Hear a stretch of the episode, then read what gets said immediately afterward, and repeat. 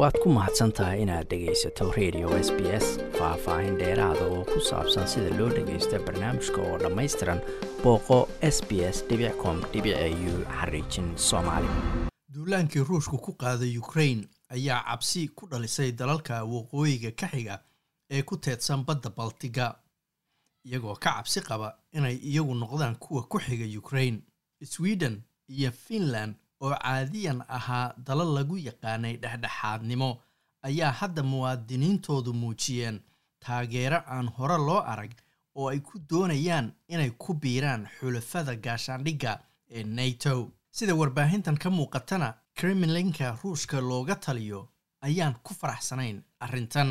Madaxweyne valadimir putin ayaa ku hanjabay isticmaalka hubka nukliyerka kadib hadallo ad adag oo ay isweydaarsadeen isaga iyo reer galbeedku taasoo dhacday kadib colaadda ka socota dalka ukrain waxayna arrintani kicisay dareenka dalalka gobolka kadib markii ruushka uu dalkiisa ku darsaday oo qabsaday gobolka krimiya oo ka tirsanaa dalka ukrain siddeed sano ka hor. Iyadoo sweden iyo finland khataru uga iman karto ruushka haddii ay ku biiraan nato yan axelson oo ah muwaadin sweden u dhashay ayaa ku tilmaamay waxa socda in dunidii oo dhan la galaabagediyey ama ay istaagtay wuxuu xasuustaa waagii hanjabaadaha nukliyeerka uga iman jireen midowgii sofiyeetka markaas oo ninkan hadda konton iyo afar jirka uu carruur ahaa we try to take one day at a time. I think that's the only thing you can do in these big crises. When it comes to Russia, you don't know how they will,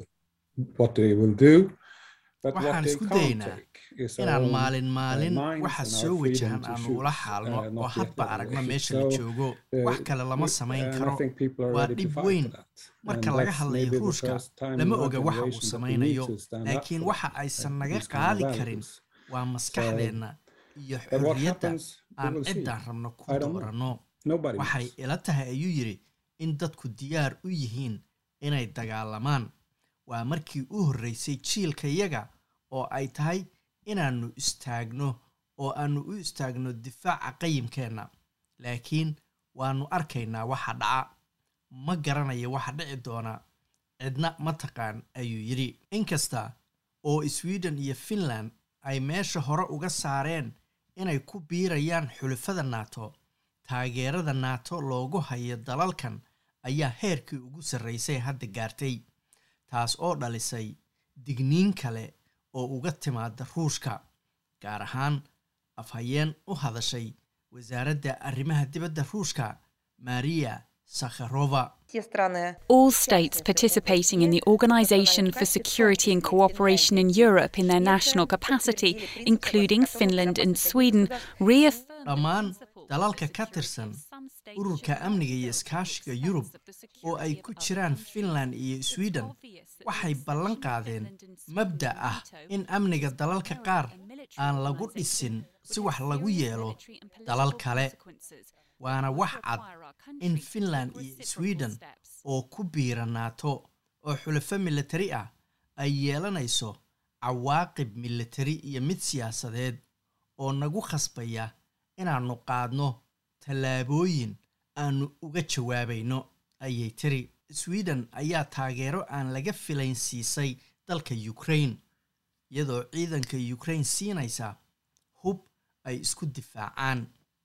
Khudbo ay dalkeeda u jeedisay toddobaadkan ayay ra'iisul wasaaradda dalka sweden magdalena anderson ku sheegtay inay tahay markii ugu horreysay oo dalkeedu hub siiyo dal kale wixii ka dambeeyey markii midowgii sofiyeetku uu weeraray finland kun iyo sagaal boqol iyo soddon iyo sagaalkii Många svenskar ser det som självklart att räcka en hjälpande hand. Many Swedes see this as simply offering a helping hand to those who are under dad attack. badan oo reer But I sweden know ah there are some who waxay ask u whether arkaan this uun might arrintan have gacan la consequences for siinayo Sweden. dal weerar Will lagu we soo as a qaaday result become laakiin waa targets for ogahay Russian inay retribution? jiraan qaar My kale oo conclusion is that isweydiinaya Sweden's security waxa is uga best iman served kara by sweden helping Ukraine to defend itself. taageeradaas Their aan siinay defense of ukraine their borders awgeed amounts to a ruushku defense of every mana country's beegsan borders karaa and of the isagoo naga international law which gives aargoosanaya every waxaan leeyahay in amniga sweden lagu gaari karo in la caawiyo ukraine inay difaacdo xadkeeda waxay la mid tahay difaaca xadad dal kasta iyo shuruucda caalamiga oo dal walba siinayo difaac. Waxayna ugu digtay shacabka sweden inay digtoonaan Vi befinner oss inte under direkt hot om väpnat We do not face a direct threat of an armed attack in Sweden, but the threat assessment has worsened. ma wajahayno khatar toosa oo ah in sweden la soo weeraro laakiin qiimaynta khatartu waa mid sii xumaanaysa shacabka sweden. waxaa lagu beegsanayaa ololo been abuur iyo borobagando uu ruushku wado. danta laga leeyahayna waa in nala cabsi geliyo in nala aamusiyo in nala kala qaybiyo oo midowda yurub la kala qaybiyo sweden gudaheedana la kala qaybiyo. Sidoo kale shirkadaha iyo dowladda swedenna waxaa lagu beegsanayaa weeraro iyo basaasnimo ka imanaya dhanka internetka. In ka badan shan milyan oo aqal oo sweden ah ayaa dadka ku nool la barayaa waxay samayn lahaayeen haddii dagaal uu dhaco. Wixii ka dambeeyey labadii kun iyo siddeed iyo tobankiina waxaa dadka loo qaybiyey buug yar oo labaatan bog ka kooban oo uu ku qoran yahay qoraal cinwaankiisa loo bixiyey haddii dagaal dhaco oo dadka kula talinaya inay biyo nadiifa haystaan inay iska ilaaliyaan borobagandada inay raadsadaan gabbaad ay duqaymaha ka galaan. Waa ololihii dadweyne ee ugu horreeyey oo noocan oo kalea wixii ka dambeeyey dagaalkii qaboobaa wuxuuna imanayaa iyadoo ay yaraadeen aaladaha kiimikada ah ee la yidhaahdo potassium iodine oo ah daawo la isaga difaaco shucaaca sunta ah ee matalan ka yimaada ama ka dhalan kara weerar nucleyer ah yan axelson ayaa sheegay inay arrintani u tahay dareen la yaab leh.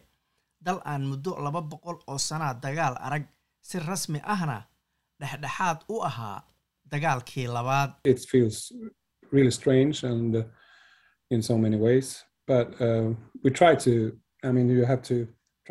Waa arrin siyaalo badan la yaab u leh. Laakiin waxaan isku dayaynaa prepare inaan si maskax furan uga fakarno siday noo saamaynayso ma ogin siday noo saamaynayso laakiin waa inaan sida ugu fiican ugu diyaar garowno dhib kasta oo yimaada. Stockholm ayaa marar badan u sababaysa gardarrada ruushka qorshayaal amni oo dalku qaatay oo ay ku jirto in dib loo soo celiyey in dadka lagu khasbo inay ciidanka qortaan iyo in ciidan la geeyo jasiiradda gotland ee badda baltiga. Linda thomas greenfield waa safiiradda maraykanka u joogta qaramada midoobay waxayna u xaqiijisay dalalka gobolka ku yaal in beesha caalamku ay si dhow ula socoto ruushka. President Putin continues to escalate, putting Russia's nuclear forces on high alert, threatening to invade Finland and Sweden. madaxweyne At putin every step of the wuxuu sii war, wadaa inuu xaaladda uga sii daro.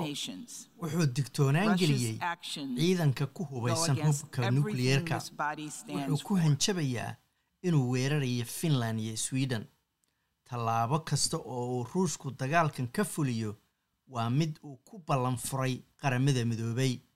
Falka ruushku waa mid ka soo horjeeda wax kasta oo qaramada midoobay ay u taagan tahay ayay tiri. Dhanka kalena kremlinka ayaa ku adkaysanaysa inaysan faragelin ku samayn arrimaha gudaha ee dalalka kale iyagoo ku eedeeyey awoodaha galbeedka.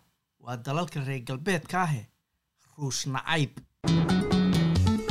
waad ku mahadsantahay inaad dhegaysato raadiyaha s b s. Toos u dhegaysa barnaamijka habeenada arbacada iyo jimcada tobanka fiidnimo. Ama kaga soo cesho website-ka iyaga iyo s b s radio app. Booqo s b s com au xariijin soomaali